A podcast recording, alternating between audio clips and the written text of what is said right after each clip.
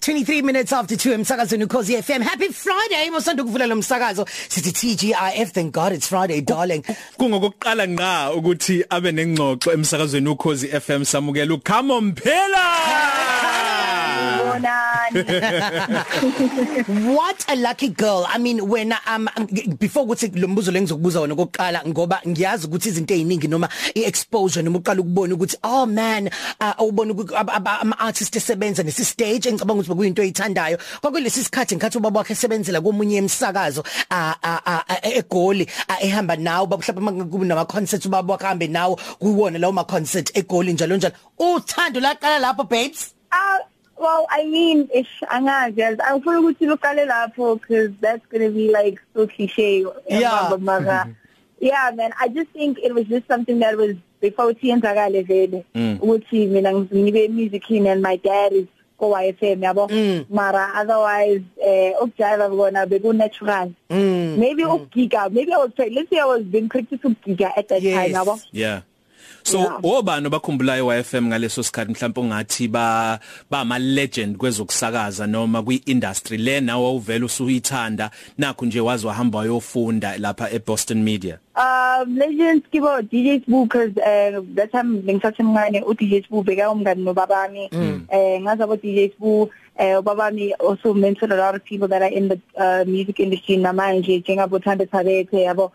So manje sengibona sengifiki kule industry now it's like it makes sense.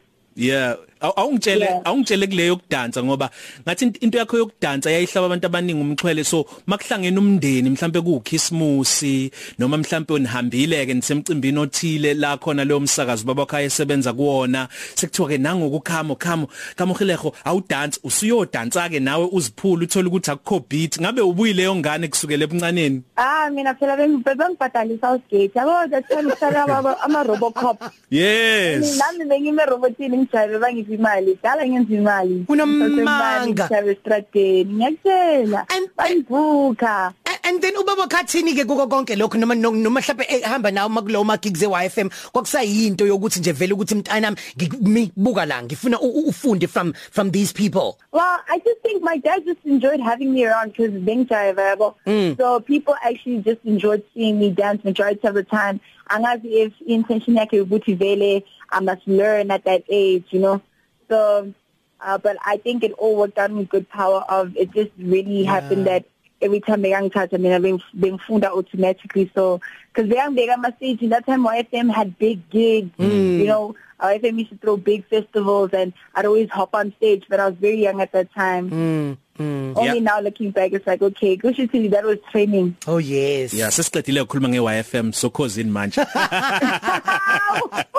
Lalela ngifuna ukwazi ngiyazi wawumncane kodwa sikhona izinto awuyibuka ubhala ama notes mhlasimpe owuyibona kwiindustry mhlasimpe ngokudansa ngokucula. Izinto za backstage izinto mhlambe eziphathelene nebusiness ongathi wena gave you an advantage as a young musician zakunikeza lokho abanye ababengabi nakho. Mhlambe ezinye zazibe izeluleke eziqhamuka kubaba wakho okukuthi njengokuthi manje usuyi recording artist usuyazi ukuthi khona izinto ezamaphutha owabonile kwabanye ngekusazenza wena. Yeah like I've learned uh khona abantu abaningi engifunde kubo nabanye they still in the industry till today you know.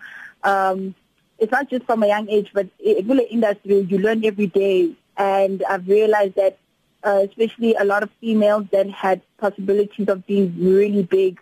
Ngaleso sikhathi you know they go into ama drugs and then relationships you know just isn't it weird that make them lose focus because mm. as abafazi siyathanda and then next thing so she career because when ubheke ukushada you understand? Mm. mara manje I've learned that a lot of females just sacrifice themselves for the family and everything in which that's something I will not do because there's always a bigger picture yes they make mistakes because at that time bebabancane nabo the same way mina ngithola ifame yami ngimncane yabo Yeah. but it's, the only best way is just to learn and not be naive and also have an opening ear to every criticism because mm.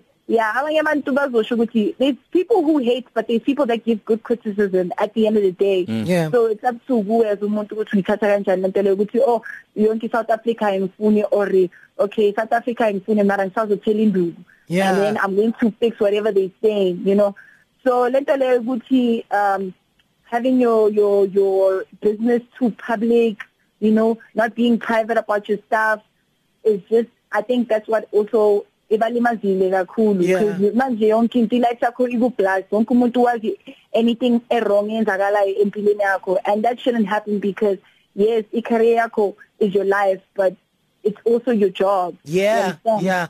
So, so you need to respect whatever your career at a certain point of understanding. Yes i am a tv personality or yes i am a musician but in the end your job your career is your talent and not your personal life. Mm mm uqinisile. Mm. okwakhuluma ngendaba ukuthi eh kumele ukuthi uthele induku no matter what kumele ukuthi go all in babes uyinikele kukho konke. Wena kuzwakala kanjani noma kufila kanjani kuwena? La khona uvesane ube we featured artist kakhulukazi ke ingomeni zabantu abaningi. Kodwa uvesane stand out babes and then akulula ukuthi abantu ukuthi bekhohle uzudlule nomnikazi wengoma kwesinye isikhathi. Sithi ingoma ekakhama umphila well I mean esiyazi afethu nimfaka kwi-sport hayi khuluma babes khuluma. bathi hey asafuni feature because ukabe uzothatha i credit no man i just um, have this mentality noma yini ngibambayo needs to be gold.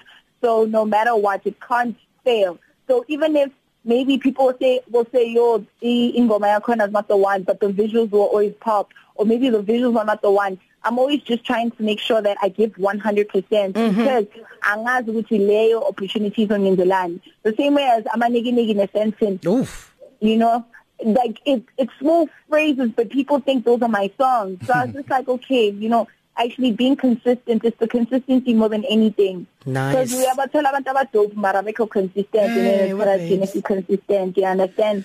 Yazi ukuthi yonke into eyenzeka ngo1999 ngiyikhumbula iSouth Africa rugby eWales ngikhumbula ukuthi TKZ yakhipha iGaz 2001 ngangifunda ugrade 10 ngikhumbula yonke into kodwa ukuhlakanipha kwakho akusho ukuthi umuntu wazalwa ngo1999 una 21 babes una 21 nje kuphela. Asibambe lapho khamo ingxoxo yethu njengoba sike sakhuluma sobuye siqhube ngenxa ukuthi kumele siye kwezemidlalo. Tshela abanye ke mlalele ekhaya ukuthi sixoxa no Khama Mphila la kwi 12 to 3 cafe. 1430 siyabuya Khama Mphila sobuye siqhubeke nawe chaza ukuthi manje isikhathi sezemidlalo nesibhama vetha hey you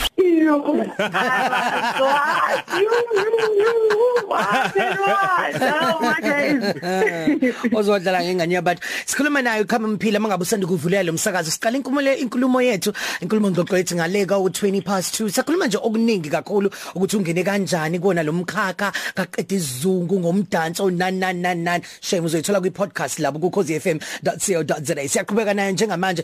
Khamo Khamo you, you went and studied at Boston Media. Which you know there's a there's a whole range there's a kaleidoscope ziningi izinto ngayifunda lapha ya when mm. when yipho obufuna ukuthi mawusuyifundile uhambe yosebenza ngayo ibe icareer yakho I actually wanted to be a radio and TV presenter. Unama. So, I feel good. When I bangjoina at Boston, Kate, ikose media practice. The media practice, you basically do everything.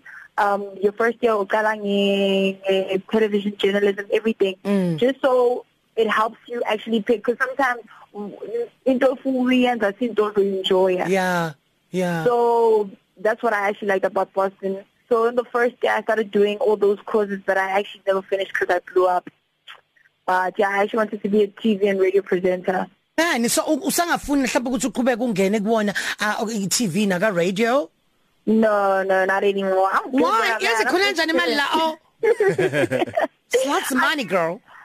Um, it's I just it's just like a career um, alignment, you know. I mm. just don't want to be everywhere, so I'd rather just work on people knowing me as a musician already because I have to transition from people just taking me as a dancer to a musician. I don't want to say, yo, dancer, musician, radio personality, rapper, watching, watching, watch. Mara kumunati ma I mean, when the brand is grown and fully developed, yeah, then I yeah. can maybe bedazzle into certain things. But for now, I just feel like focusing on one thing and letting being known for one thing, especially if I'm trying to be an international person. Mm. It's, I'd rather, I'd, you'd rather just stick to one thing ngibambe ngithi imake ngitolikela umlaleli ukhama omphila lawo bechaza ukuthi yebo wafunda eBoston Media ngenxa ukuthi wayefuna ukuthi abe umethuli emsakazweni nakumabona kude umembuzo uSel Beyonce ukuthi usangasebenza wathi hayi cha inhlobo ngoba la umbono wakhe njengamanje akafuna ukuthi abe izinto eziningi umsakazi umdansi umculi uthi mhlawumbe ke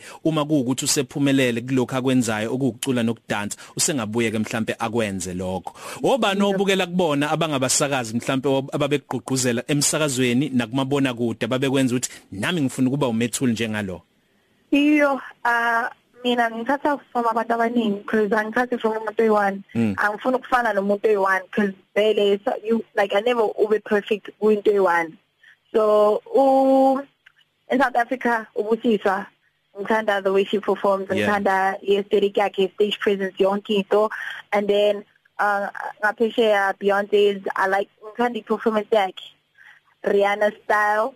Mm. um ngithanda Cardi B's brand no what's her name Sawidi.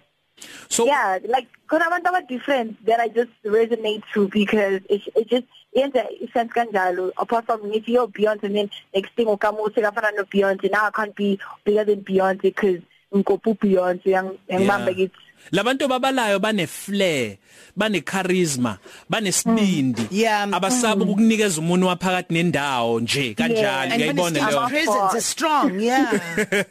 So so ingakho nawe uhlaba umxhwele kangaka eingomeni noma udansa eintweni ozenzayo. Ungathi wena into onayo isiphiwo sakho noma ungena kwi alter ego ethile mhlawumbe nawe no Sasha Fierce wakho othi umuse stage uthi ya sekuyimina ke manje ngithatheni nginje ngoba nginje.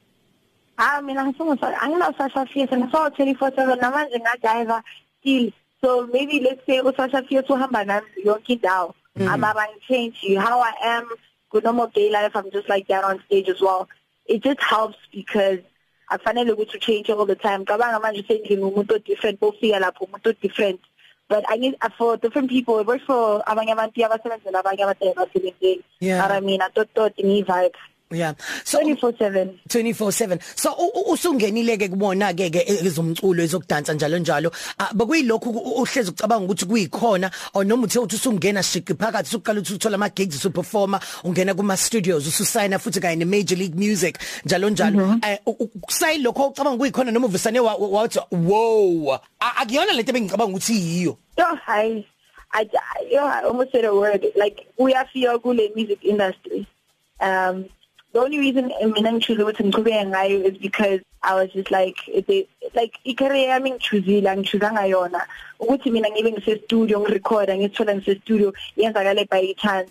So I just carried on with it, but lento esibonayo abantu abayibonayo from ngaphandle babona thina strip music kumnandi mara ngaphakathi eh kuyafika bafethu mm uh, it's war because if our if our if our kuthathela imali if our gropi then or music for to drop it but being in studio and uh, perform are two different things. And into abantu abayizwa abayizwayo. So mina ba- baningiza ngithi amanikiniki e-studio futhi ngicabanga ukuthi bengirekhoda kanjani because akuna crowd akuna vibe. Wena Yeah. yeah. usufakile i-vibe yakho. Yeah. And as ukula in this music thing it's- uh, you, that's when you start learning that it's actually not easy you know? Ngiya- That's why before manje sengijaja ingoma zabantu sengiunderstand ukuthi ah maybe yazi bekufilwe eh bekufilwa lapha e-studio man. Yeah futhi ukukhombisa ukuthi unomoya wokuseva unomoya wokuthi ukwazi ukuyithatha into kungeyona yakho uyiphakamise ngisho noma kungeyona yakho. Kodwa ke ngicabanga kwakujabulisa mawusubona isihloko sengoma siqala ngawe sithi come on phila featuring Bonhle Smith Santin. Kwaukuthi ke hayi ke kushubileke manje. Ah there was well let me be honest eh especially le le ngoma leyo bekuwukuthi wena uyabulala or bayabulala. sure. Because when you need to in a feature that's the problem. Boys ama feature it's either when uthatha ingoma or umunye umuntu uyam- uyamekela athi ayithathe ingoma. So manje baba uzisense bazocabanga well, who are they thinking of? Bacabanga ufoka bacabanga ubuntu or bacabanga ukamphela hababona amanikiniki? Bacabanga bani? Who first comes to mind? Because yes ingoma it's a hit but you always need to stay alive. You can't go missing in the song you know? Yeah. so you always choose your battle ukuthi kenzakalani Man bekumnandi kakhulu ukuthi sikhulume nawe Khama Mphila sikufisela konke okuhle. I mean the world stages akulindile asikwazi nokulinda ukuthi uzothole leyo BET nomination one day because ngiyazi ukuthi uzoyithola. Sweetie pie sikuthola kanjani einkundleni zokuxhumana Oh, yes, oh, yes, Thank you so much for having me guys. Do check out I'm I dropped in Kulunkulu the music video and then just let me know what you think on my socials like it's yeah social sikuthola kanjani kuma socials babes? Uh socials underscore mpila double x. everywhere. So YouTube, Instagram ukamu underscore mpila double x. Alright, and so- that's just it. sikuvalelisa ngengoma Sentin kodwa sizophuma ohlelweni ngengoma ethi inkulunkulu okuyisingle yakho entsha sha siyakubongela kakhulu Ngiyabonga bafethu. usamncane siyakubongela futhi ukuthi ukhuluma kokuqala ngqa emsazweni ukhozi FM asilizungezele kusuku umhla ka 26 March 2021 la kwaqoshwa khona umlando Yes. sikhuluma noKhamo Mphila girls bonge kakhulu sis bye babe happy friday sana. Bye. Ariye sente. Chumi ariye sente. Ariye sente. 23 Cafe namhlanje asifani nezolo okusha kodwa